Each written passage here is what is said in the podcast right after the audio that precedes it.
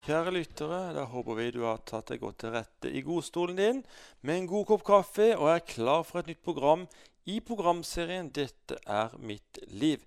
Mitt navn er Jørgen Reinersen. Jeg leder organisasjonen 9010, som produserer disse programmene. Og i dag er jeg på Leknes i Lofoten og møter Pantalian Arthur Veisnes. og Blant eh, kjente så kaller de det bare Putte. Det tror jeg også gjør. Ja. Velkommen som gjest i Dette er mitt liv. Takk skal du ha. Eh, ja, Pantaljan det er jo ganske uvanlig navn i Norge, er det ikke det? da? Ja, det er veldig uvanlig. Det er vel faktisk ingen i Norge som har det navnet. Det er etter min oldefar som, som har det. Så, det så, så Arthur Pantalian eh, Veines er jo det som er det rette navnet, men Putte er jo det som de bruker på folkemunn. Veines høres ut som et stedsnavn. Eller en gård, eller? Ja, det er en gårdsnavn inne i Reinefjorden, inne i Moskenes kommune. Ja. Ja. Ja, da, så vi født og oppvokst. Vi kan jo bare sånn helt i starten eh, Jeg tenker på om sommeren her. 24-7 så er det sol hvis, det, hvis sola er framme, holdt jeg på å si. Det er i hvert fall lyst. Ja. Om vinteren så er det mørketid. Hvordan takler dere det? Nei, altså vi, altså det, det er jo forskjell hos oss òg som bor her hele året, selvfølgelig. Og, eh, og det kan jo være litt tøft i den tida her når vi kommer inn i, ut i november og desember måned. Det er jo tunge måneder, det er det jo. Spesielt kanskje eh, november som det her. Men når vi kommer inn i desember måned, så er det så masse med jul. Og nå er det jo mange som ikke har noe forhold til jula, dessverre, og, og, og alt det her. Men, men akkurat der syns jeg det er greit. Altså, det, jeg er glad i jula, det er jeg. Så, så da, liksom, da går det fort. Og så har du nyttårsaften. Og, og når nyttårsaften er gått, da vet vi at den 5. januar så ser vi sola over horisonten igjen her, her nord. Så da hvis det er ja, ikke overskya, så, har vi, så har vi, ser vi et solgløtt.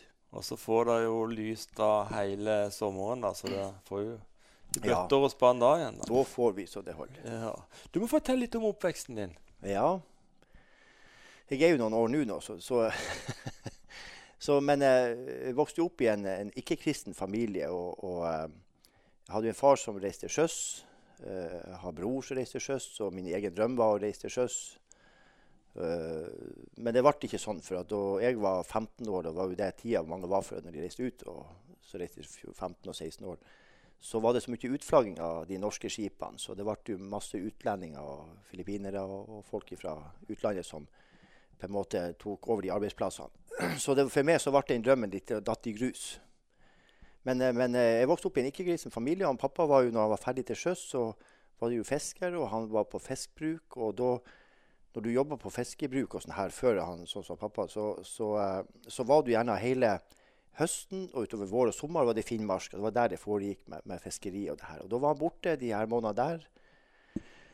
Når det var vinter, så starta de jo ofte 1. januar, rett over nyåret, når jul og alt det her var over. Så, så starta de og liksom klargjorde vintersesongen. Og det var jo masse skuers skulle klart på et fiskebruk og ses over litt på gjellene. Og, og da var han jo mer eller mindre borte for lange dager, så, så jeg må si at jeg, for min del, jeg kjente jo ikke faren min ordentlig før jeg kanskje var 13-14. at jeg, jeg spurte jo aldri faren min om det. var jo det mor mi gikk til meg alt. Og, så, så det var lite jeg spurte han om. om eh, for jeg så han så sjelden, så det var liksom mer sjenert for han, for det, det var lite vi så de, ja.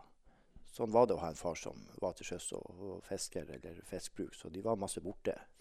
Var det så, også sånn at alkoholen fløyt når de Ja, det var det. Vi jo, det det var, vi var jo en søskenflokk på, på seks stykker. Vi var seks søsken, og jeg er minst av de her. Så, eh, og tre, vi var tre brødre og tre jenter. Og, og eh, har jo eldst, eldstebroren min, han er jo død nå. Død i Oslo der på ja, på forferdelig måte.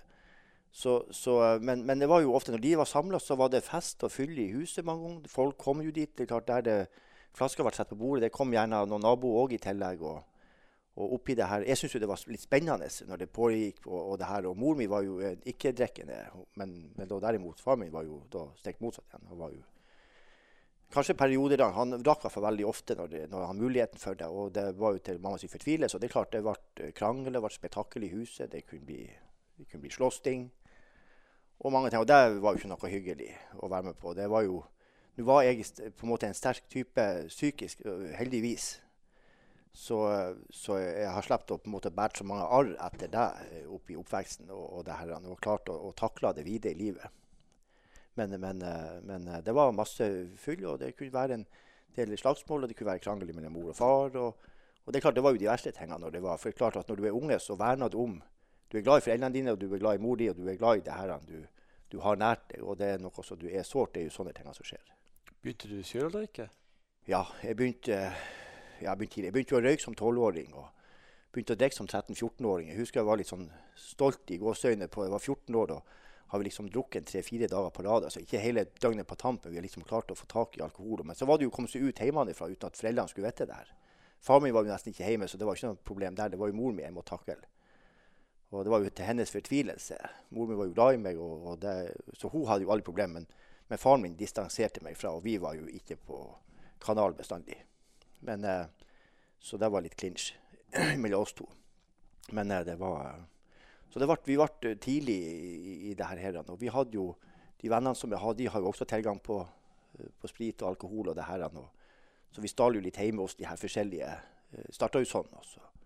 Begynte å røyke tidlig. og, og, og eh, ja, begynte jo litt sånn småkjapsing og litt stæling, småstæling og sånne her. her sånn små, men det var jo for å få tak i tobakk og sånne ting stort sett i den i spede begynnelse. Ja.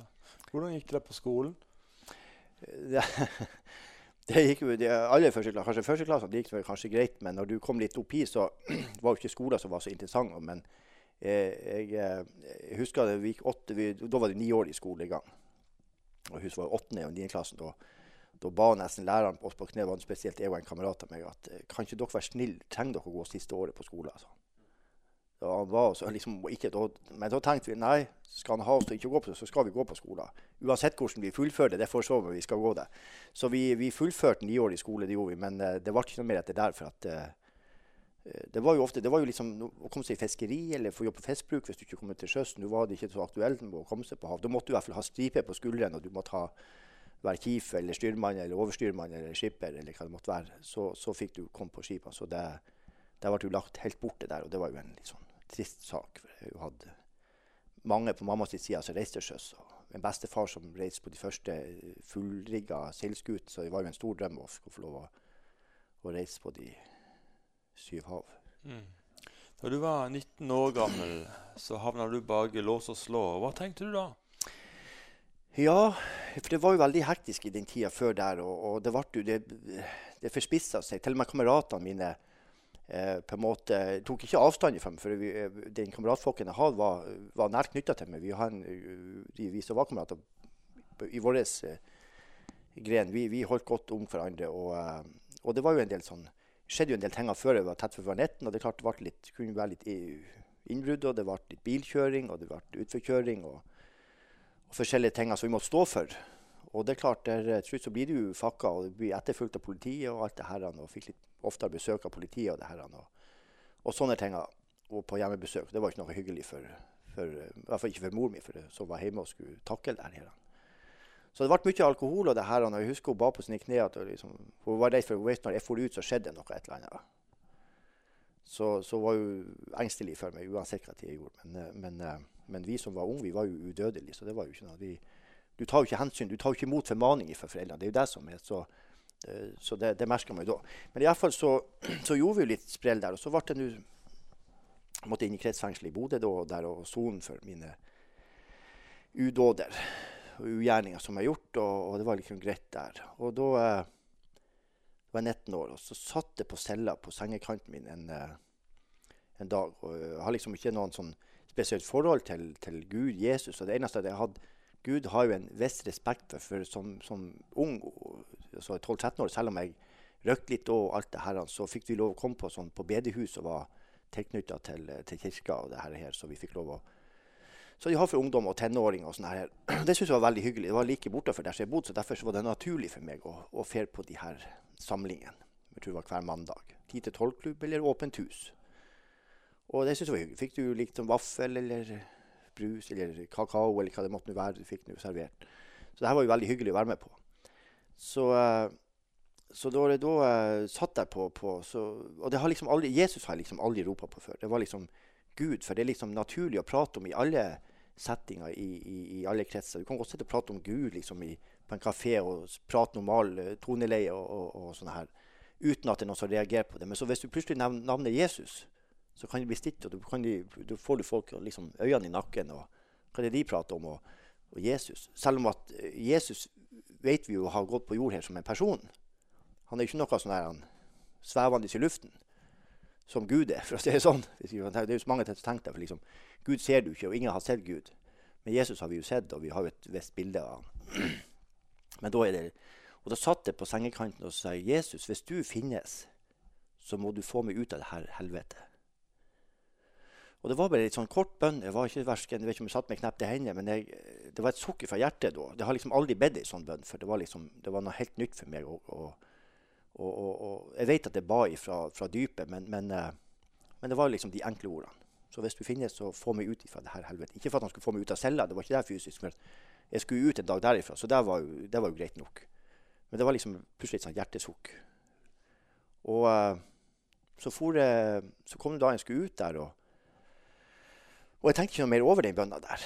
Det, var liksom, det ble, ikke noe mer der. og Jeg fikk jo kontakter der. og Fikk jo tilbud om å liksom være videre på, på rangstigen. For det er klart du, du sitter inne med folk som, driver med forskjellige ting. Så du sitter ikke så du er inne på en sånn plass der du bare får kjørt for fylla, så, så, er det oftest litt uh, vanlige folk som sitter inne. Men her sitter du da med uh, mordere, uh, folk som har tatt livet av folk, det er folk som har gjort store innbrudd, mindre innbrudd. Ja, alle kategorier. Så, så, det er klart at, og, og, da begynte vi å få tilbud om ja, vi kan skaffe deg og deg hvis du kommer ut. og liksom begynne å gjøre avtaler. så du liksom, gjør Avtalene gjør du i kretsfengselet. Liksom, for videre, videre ganger ut i livet. Komme ut, og uh, det her er jo i Bodø, så det er ikke så langt fra Bodø hit til Vestfjorda. Det er jo liksom bare og rett over fjorden. Vestfjorden, som vi sier. 50 nautiske mil med båt.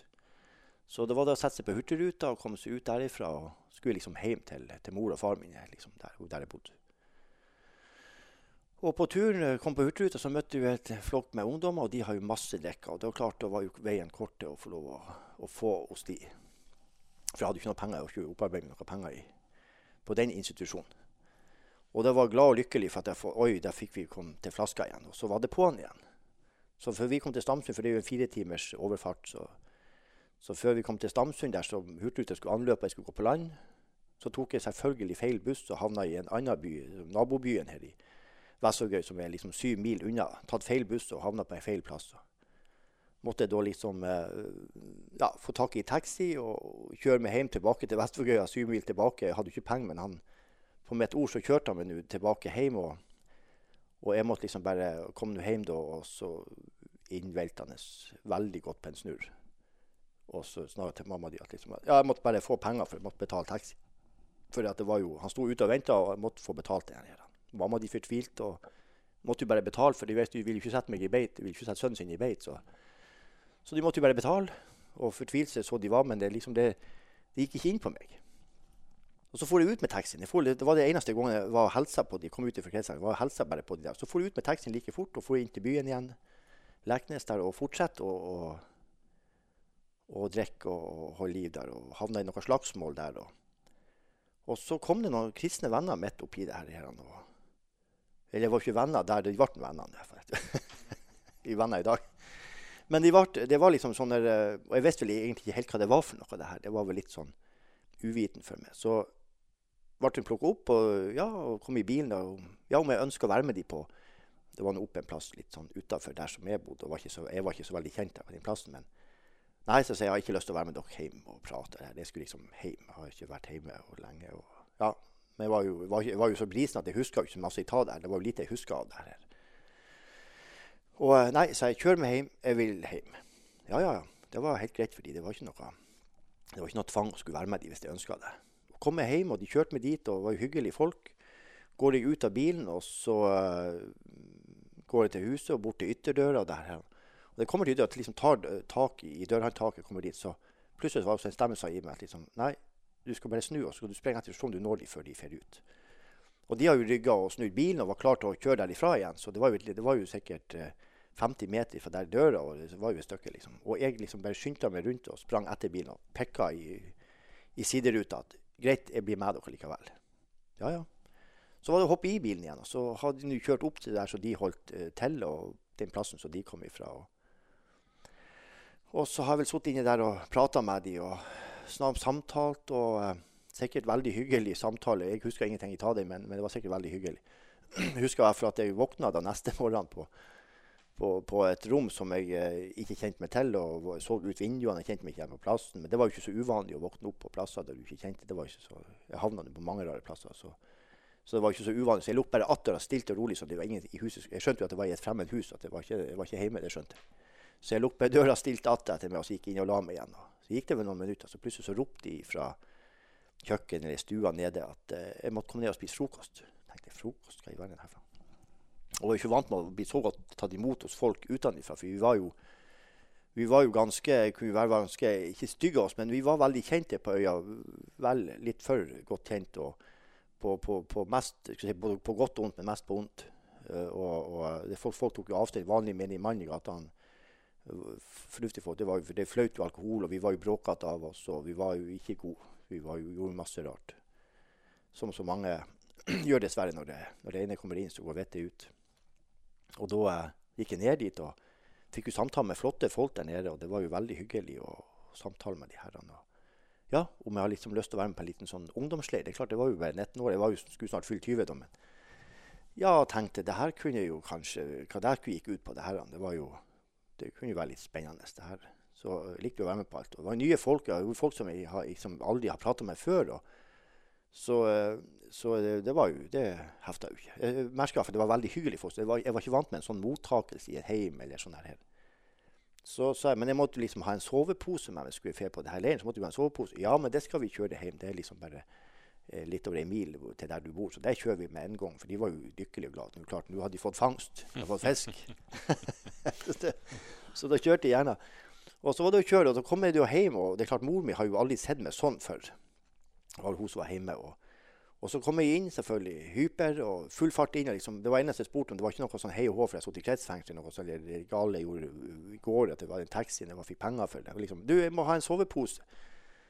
Og da tenkte jeg herregud, hva er det nå han putta på? Er det, og vi var jo fortvilt. Og så sa jeg nei, jeg skulle la med noen, det jo noen kristne venner her. og Klart Jeg har fått noen bøker òg utdelt, men har liksom, jeg bare heiv de på kjøkkenbordet til mamma. liksom.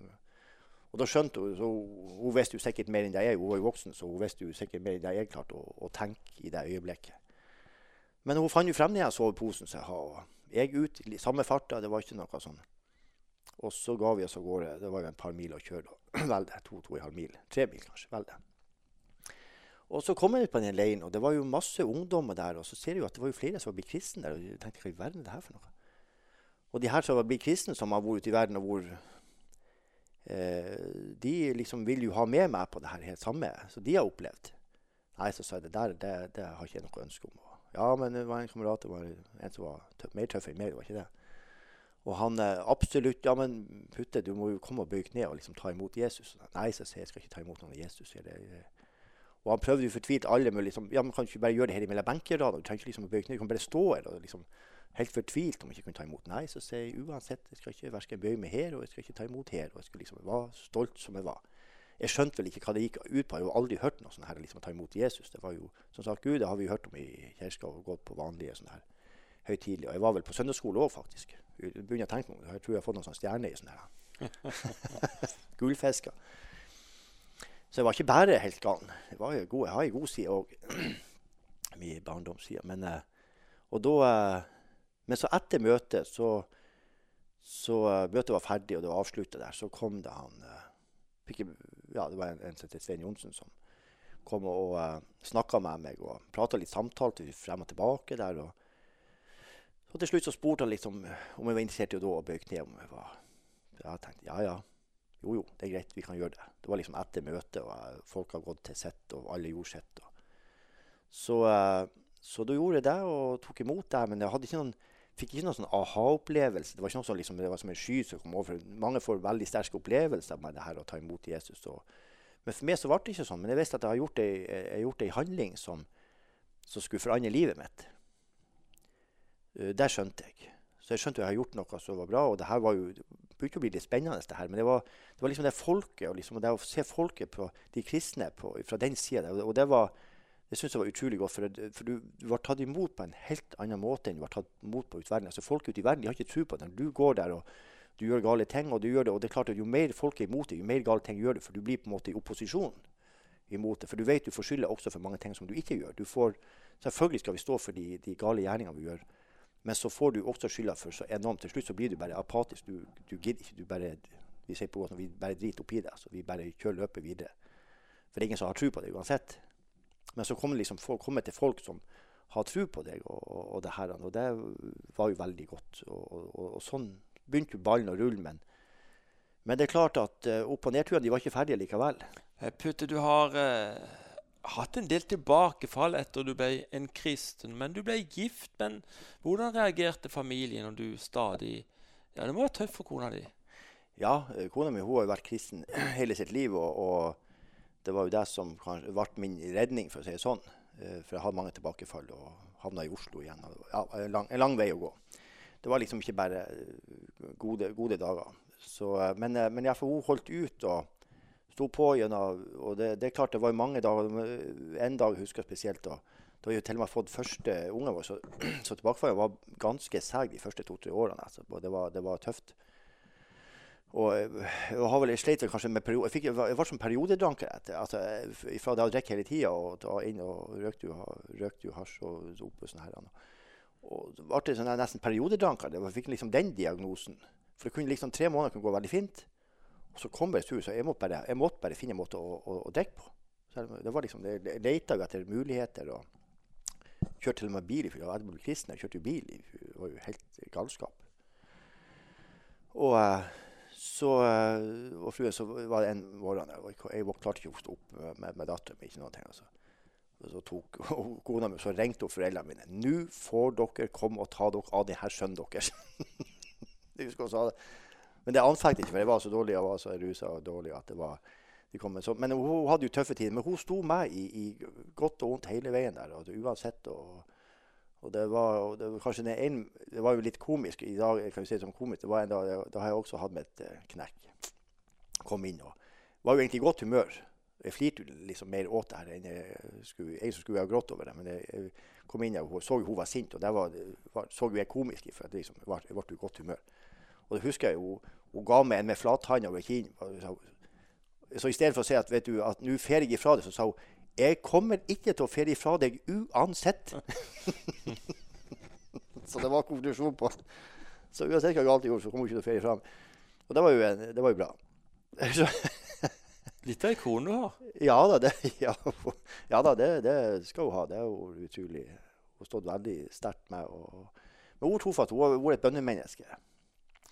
Så hun er jo sykepleier og jobber på sykehus. og, og står opp hver morgen klokka halv seks. Hun trenger egentlig ikke å stå opp før klokka halv syv en time, men hun tar bestandig, hun har gjort det i mange år nå. Det er ikke, sånn, det er ikke noen jojo-opplevelse. Hun står opp klokka halv seks.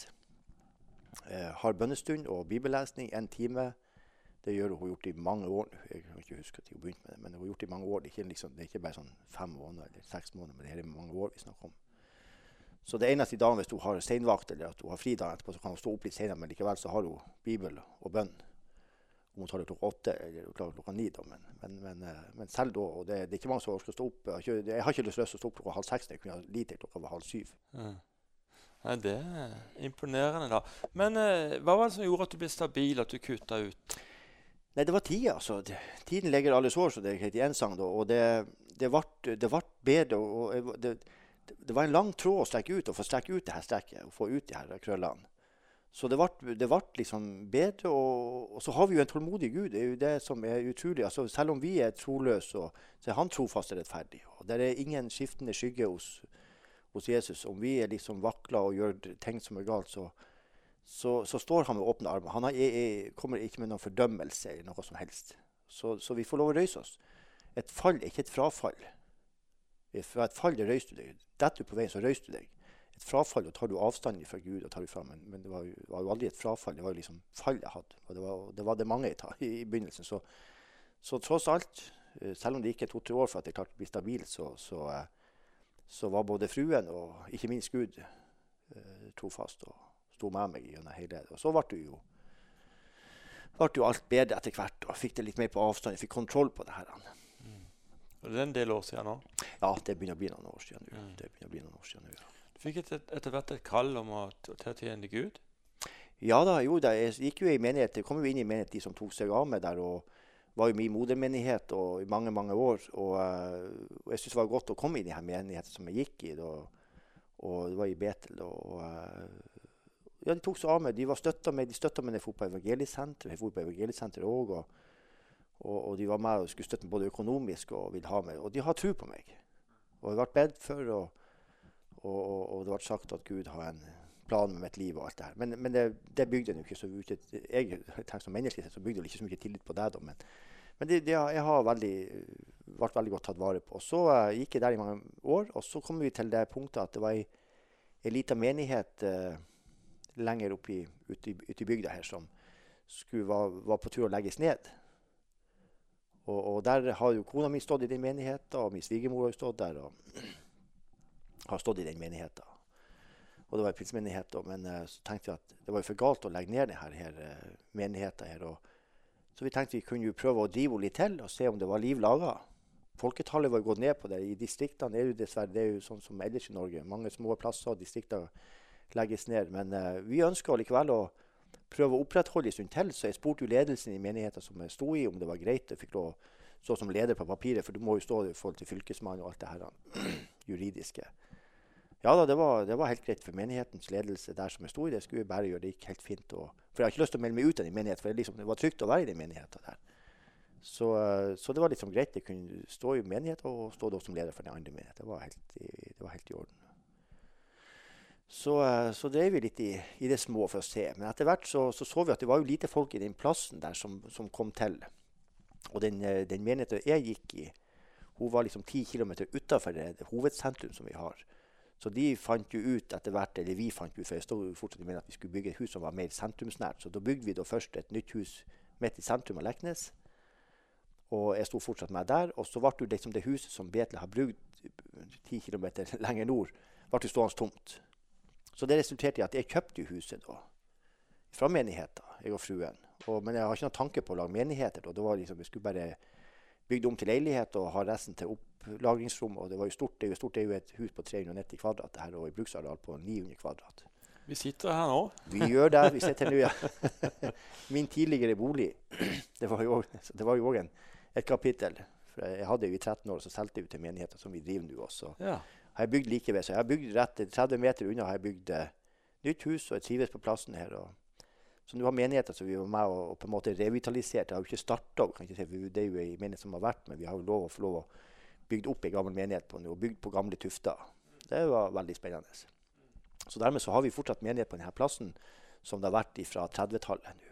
Og så er de Betel som var før, de er liksom kommet inn i sentrum. Dermed så når vi flere folk fra flere plasser. Ja, spennende. Men uh, når du uh, gikk med disse tankene om å begynne med ja, denne revitaliseringa, eh, så fikk du en hilsen fra Kristiansand? Ja, du hører det. Jeg gjorde det. Jeg var på en liten sånn helgetur i Harstad bare og kjørte, og jeg og fruen. og To av barna våre var der og kjørte og var på hotelltur og med sånn bassengtur med ungene. så vi tok en sånn helgetur. Det er 25 mil med det her og Harstad. Og så får vi og kjørte på kveldene. og fikk jeg sånn, Det var også når jeg satt på, på, på senga på, på cella i Bodø. og det fikk jeg også sånn, plutselig sånn dypt rop fra mitt indre. Liksom, at, så sier jeg til noen nå må Gud, nå er jeg 45 år, og nå må liksom få må du gjøre noe med, altså med, med livet mitt. Liksom. Jeg har jo, lyst, jeg har jo en, har jo en indre driv. Jeg har lyst til å gjøre noe mer for Gud altså, enn bare det som jeg gjorde. på. Jeg var jo delaktig og gikk jo på alt av møter. og Var jo aldri fraværende der. og sånn her, det var jo... Men jeg, har, jeg, følte det var noe mer som lå fremfor. Og så uh, ja, ja, men fruen som er sindig og, og rolig, så hun sa ja, men slapp nå bare av, Pute. Gud kommer i rette tid. Ja, så sier du snakker i rette tid. Så sier, Hva tid er det? Nu, du ser jo her, nu, årene de går jo, og det skjer jo ingenting. Skal, skal jeg bli 80 år for å gjøre noe? så jeg var liksom sånn fortvilt i. Men det var liksom et sånt hjertesukk. Og det er da jeg tror mange Gud kommer. Og så og etterpå kjøreturen så får vi inn på hotellet. Da la vi oss, og så sto vi opp om morgenen på hotellet der og spiste frokost der. Og så gikk jeg ut etter frokost med en sånn snartur jeg skulle inn i en butikk. Så mens jeg står i den butikken der og, og så ringer det en telefon, og jeg tenkte ja, det er en selger. For det var jo et nummer som ikke kjentes meg, så jeg tenkte nå er det en selger som ringer. og så jeg tenkte skal jeg la være å ta. Men så var det liksom noen som sier meg at det, nei da, men ta den bare. du. Er, du er, er, jeg avfeier bare det her. Hvis det er selger, så er jeg bare kort og konsis. Så jeg var bare, tok bare telefonen og så jeg bare, tenkte jeg at den som ringer, må jo i hvert fall presentere seg. Jeg orker ikke presentere meg, for det var ikke jeg som ringte. Jeg tenkte jeg får den som ringer, gjør. Så jeg, liksom, jeg skulle være litt sånn der, stolt. Så jeg bare tok telefonen og sa 'hallo', så jeg bare kort og godt 'hallo'. Og så hørte jeg liksom sånn ydmykt i andre enden av røret liksom 'hallo', hørte jeg. 'Hallo, dette er altså Hilbert Nordheim. Du kjenner sikkert ikke meg, men jeg vet hvem du er.' Og eh, om du har smekka meg over ørene eller hva du har gjort, vet du, alt ble, det stoppa jo opp. Jeg kjente frysningen over ryggen. og Håret røyste i nakken. Og, og, det her, og det er mulig han har fått vite om meg via, via noen andre. Jeg, kjente, jeg har i hvert fall aldri prata om, om, Hilbert, annet enn at jeg har lest et lite stykke om Hilbert. og den bønneveien han gikk, som jeg følte at var veldig sterk beretning. Og Derfor har jeg liksom kopiert det fra et blad som jeg leste en gang i tida for flere år tilbake. Og Det lå i Bibelen min i tida. Så det var en, han Hilbert så jeg på som en troverdig person som jeg har veldig tro på. Men aldri snakka med han, aldri hilst på han. Men har, det, det, var noe med han som, som, som tiltalte. Og så var han jo nordlending, ikke minst. Var jo fra Sandsøy. Fra Harstad fikk jo vite etter hvert. Men jeg bodde i Kristiansand, og er veldig fin mann. Ja, og, og, og, jeg husker så ordrett han sa det i telefonen. 'Hallo, dette er Hilbert Norheim. Du kjenner sikkert ikke meg, men jeg vet hvem du er', sier han. Så prata litt sånn gebrokken, fint østlandsk og nordlending. prøvde, prøvde seg på Ja vel, ja, sier jeg. Var, ja, ja, hyggelig å høre seg. Og, og, jeg var så paff. Jeg var så jeg kjente altså, jeg følte det var Gud som prata gjennom han Hilbert. Jeg vet jo at han, vet jo at han, Hilbert ikke var Gud, men jeg følte at Gud talte gjennom han Hilbert. Sånn var det min følelse med den telefonsamtalen. Og så sier han, og jeg, jeg fikk eh, fikk et ord for tre måneder siden. Men, eh, eller, eller en, et budskap. Unnskyld. Fikk et budskap for tre måneder siden, men, men, da var ikke tiden inne for å dele det med deg, sier han. Men nå var tiden inne, sier han. Og det ringer han akkurat da. Egentlig fikk han budskapet for tre måneder siden. Men, han, men Gud har talt til ham, Helligånd har talt til ham antagelig at nei, det var ikke tid. Du, du har fått budskapet nå, men det skal du beholde i ditt hjerte så skal jeg fortelle hva du skal gjøre. Antagelig. Noe sånt måtte han ha fått fra Den hellige ånd. Og da ringer han meg da. Og det er klart det var jo akkurat, Du snakker om at det var i, på klokkeslett i rette tida. Altså. For det, det, var jo liksom min fortvilelse. Vi har prata med fruen, og, og, så ringer han Hilbert. Og jeg har aldri prata med ham på telefon. Og, og, fruen kom jo inn i butikken og skjønte jo at for jeg sto sikkert og prata i 20 minutter. Hun kommer liksom inn i butikken og 'Putte, hvor, hvor du blir av hen?' Liksom. For hun snakka bare høyt. Hun skjønte ikke jeg sto i telefonen. Og jeg liksom bare tok telefonen liksom sånn, sånn fjernt fra øret og bare peka på telefonen til fruen og sa 'Du, det er Hilbert.' Hilbert som ringer. Og, og, det var klart, hun har jo hørt om Hilbert. Uh, han har faktisk vært brubygger her i Lofoten. Han har jo vært, vært med og knytta Vestvågøy og Vågane. Så, uh, så der fikk vi en fin samtale, og han fortalte jo en del ting om at uh, altså, Gud har planer for mitt liv. og, og det, og jeg, jeg, skjønte jo det, det her var noe. Og vi var ikke starta menigheter da. Så det her var jo liksom før, tett før vi starta menigheter. Men vi har kjøpt huset. Huset har vi fått men ingen menighetsstarter. Og jeg har ikke noen planer om for jeg har ikke hatt noen visjoner om å starte noen menighet. Jeg har aldri noe, jeg har, jeg har følt meg trygt i lag med det lave. for å si det sånn. Så jeg har aldri noen visjoner om å skulle starte menighet. Men jeg har fått noen profetier før der. Og noen før han Hilbert var noen som ba for oss, så sa hun, og det reflekterte ikke, men jeg liksom bærte med meg. Og da sa de at du skal være med, eller dere skal være med og bygge på gamle murer. Og det er klart, Den som er i byggebransjen og kan snekring og alt det vi vet jo at muren det er jo fundamentet i noe. Og, og, og, sånn er det jo i menigheter. Menigheter er jo ikke huset, det er jo ikke veggene du og skallet du er i. Men fundamentet det er jo de, de kristne vennene som tar imot Jesus. Det er jo det fundamentale i menigheten. Fundamentet. Så det var jo et fundament som var laga, men huset skulle flyttes. Men vi skulle få lov å bygge på de gamle murene som klippen hadde. Og det har dere gjort? Det har vi gjort. Fantastisk. Det går veldig raskt mot en avslutning av dette programmet. Har du en liten hilsen til lytterne? Ja, eh, det må jeg bare si. Altså, det er jo eh, det er ingen vei tilbake. Altså, det, det, er, det, er, bare muligheter som ligger fremfor. Og jeg vil jo bare oppmuntre og oppfordre folk som, som ikke har fått kjennskap til Jesus, til å søke inn, lese Guds ord. Om du har en bibel, kanskje etter din mor, bestemor eller en venn, eller noen, ta kontakt med noen og, og uh, snakk med noen. Og, og la det her gå innover. For at uh, Jesus er ikke noe sånn fjernt. Uh, du blir ikke verken galen eller noe. Du blir ikke fjern i å tro på Jesus. Og det er ikke sånn at vi går ikke og liksom banker Bibelen. Vi, vi er helt vanlige mennesker, vi som alle andre. Og vi, vi er overhodet ikke noe bedre enn kong Salamo. Her er det ingen forskjell på hattemaker og kong Salamo. Vi er, vi er alle like, og vi ønsker å, å, være der for deg. Og er du der som, som hører på, sånn her, så vær ikke sein med å ta kontakt med noen kristne venner, eller hvis du har noe du tenker på. Det kan være mange ting som ligger for at og det er alltid en åpen dør for deg der, som, som, noen som vil eh, være med og hjelpe på, på veien. Da å ta imot. For det, det er verdt alt. Altså. Vi har det i evighet, og jeg tror på evighet. Og, og um, så, så, uh, så, får hvem som helst si hva de vil om det, altså, men, Men jeg tror på, på evighet at vi har en Vi, det, vi slutter ikke bare med når vi drar siste åndedraget her, altså. Det, det, er helt sikkert. Jeg tror vi har noe som ligger fremfor oss. Det er bare liksom Ja, vi er ikke bare skrudd sammen sånn bare sånn tilfeldig. Det er sant. Har du også bare en opplevelse du har lyst til å dele, hvor du har kjent at virkelig Gud har grepet inn i livet ditt? Ja, nei, altså, jeg, jeg, føler Gud har gjort veldig mange sterke ting i livet. Blant annet det her med Hilbert. Det var noe helt spesielt. Var at jeg følte at Gud brukte en, en person på, på andre sida av Norge for å fortelle meg For jeg er veldig sånn at eh, jeg må ha det veldig, jeg må ha det i med teskje. Jeg, jeg tar ikke alt som en selvfølge. Uh, så, så, så, derfor så, og det var derfor Gud brukte han Hilbert den gangen for å fortelle meg der. Men, men, jeg har jo opplevd sterke vekkelser. Jeg har opplevd folk som blir frelst her på, etter vi starta opp her. Vi har opplevd helbredelse. Jeg har opplevd Gud har kommet på andre måter òg, så jeg kunne fortalt det, Men det blir for lang historie. Men, men jeg har opplevd utrolig mange sterke ting. Men men, men det, er nok med det her når vi søker inn i, i, i det her åndelige, og, og, og søker Gud og inn i Guds ord jeg ser når jeg, Hvis jeg sløves litt ned, og det, mine bibellesning og alt det her, så opplever jeg mindre. Og Gud han trengs ikke på oss. Det er en frivillig, det er en frivillig sak å ta imot han, Jesus. Og, eh, så det er vi som, han, han, han, leder oss. Han går fremfor oss hele veien og leder oss på veien. Han, eh, men han trenger seg ikke på oss. Hvis jeg distanserer meg fra Jesus og ikke vil ha med han gjør, så presser han ikke han seg på oss. Han er der, men han er bestandig der. Han står ved din side og, og vil støtte alt. Og, eh, men som sagt, jeg har opplevd eh, Nå har jeg hatt en frisk kropp og vært heldig, så jeg har ikke opplevd sånne fysiske helbredelser på, på sykdom, men jeg har sett folk som blir helbreda.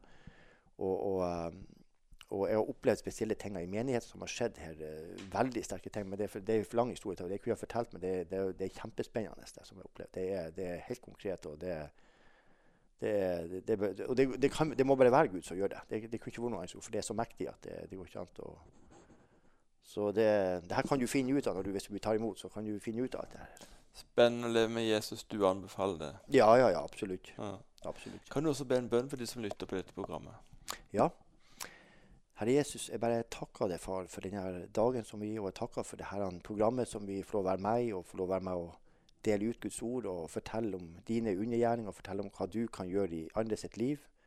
Jeg takker deg, far, for at uh, du kan gjøre en forandring i den som hører på, den som lytter på. Du kan gå inn i enhver sitt liv. Du kan gripe inn. Ingenting er for stort eller for lite for deg, Herre. Så jeg bare takker deg, far, for at uh, de som lytter her, og de som, som hører på, Herre, at de skal få lov åpne sin hjertedør og ta imot deg som sin personlige frelser. Uh, at de kan søke inn i, til deg med alt som de måtte tynge, om det er glede, sorg. Altså Du kan ta bort alt det her. kan du ta. Og så er det jo sånn at uh, Du har jo ikke sagt at du skal ta bort alle smerter, men du har sagt at du skal stå med, du skal være med oss gjennom smertene. Og det er veldig godt å ha noe som sitter ved din side. Om du skal føle smerter, så er det godt å ha en som du vet bryr seg om deg og hjelper deg og støtter deg gjennom alt, gjennom smerter og alt. Så jeg bare ber en rik velsignelse for de som hører på, Herre, og, og at du må bare ja, møte dem. Møte dem på en spesiell måte, og det vet jeg du gjør. Hvis de søker deg, så vet jeg at du, du møter dem. Amen. Amen, amen.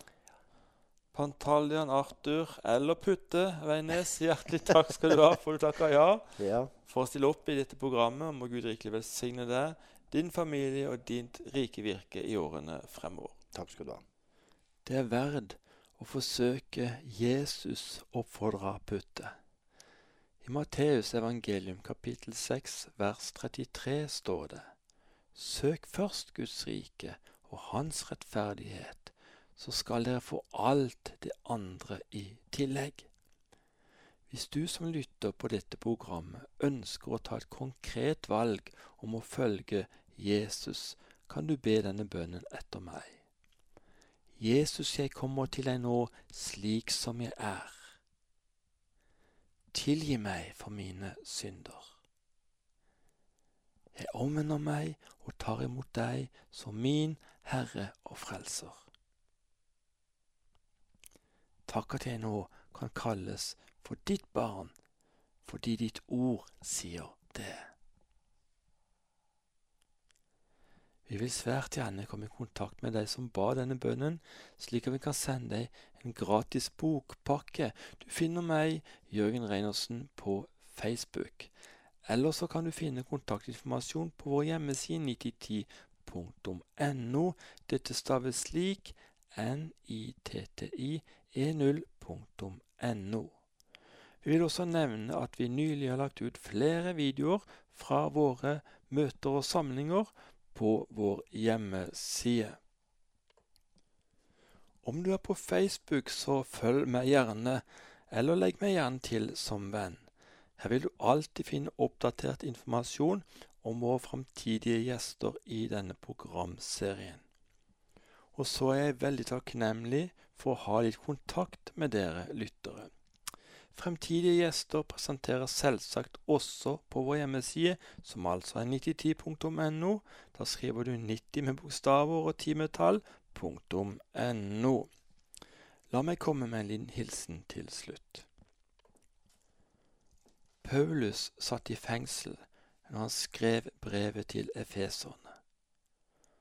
Og han oppfordret dem til å ikke å miste motet, selv om han led mye for deres skyld. Kanskje Paulus, menneskelig sett, hadde grunn til å være mismodig og til å være sint på Gud. I stedet så skriver han dette fantastiske brevet, som inneholder så mange herlige løfter og en nydelig undervisning.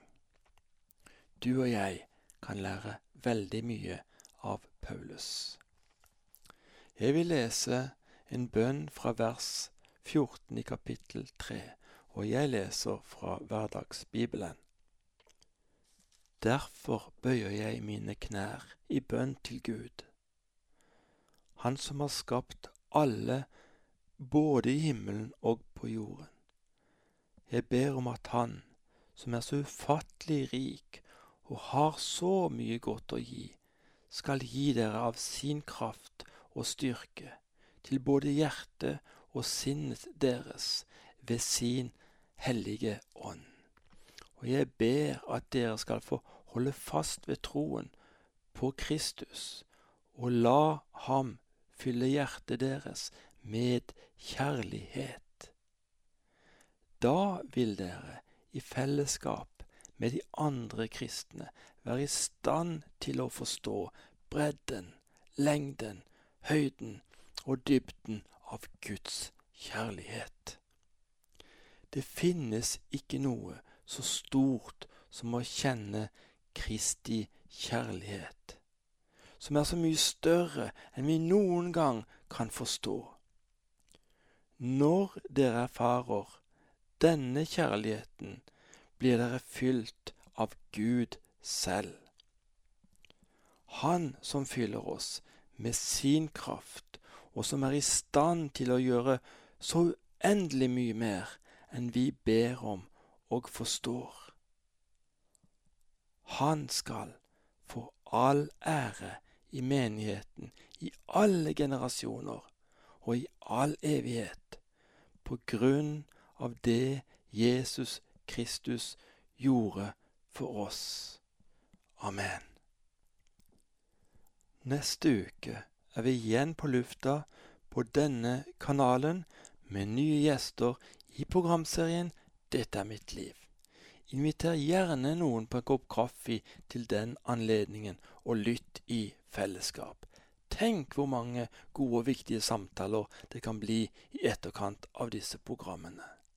Vi produserer ikke disse programmene for å underholde, men for at mennesker skal få et møte med Jesus og få et totalforvandlet liv. Og vi ønsker å spre lys og varme for mennesker som opplever hverdagen som utfordrende. For vi vet, og vi har erfart, at alt er mulig for Gud. Hjertelig takk for i dag. Vi ønsker deg det beste av alt Guds velsignelse.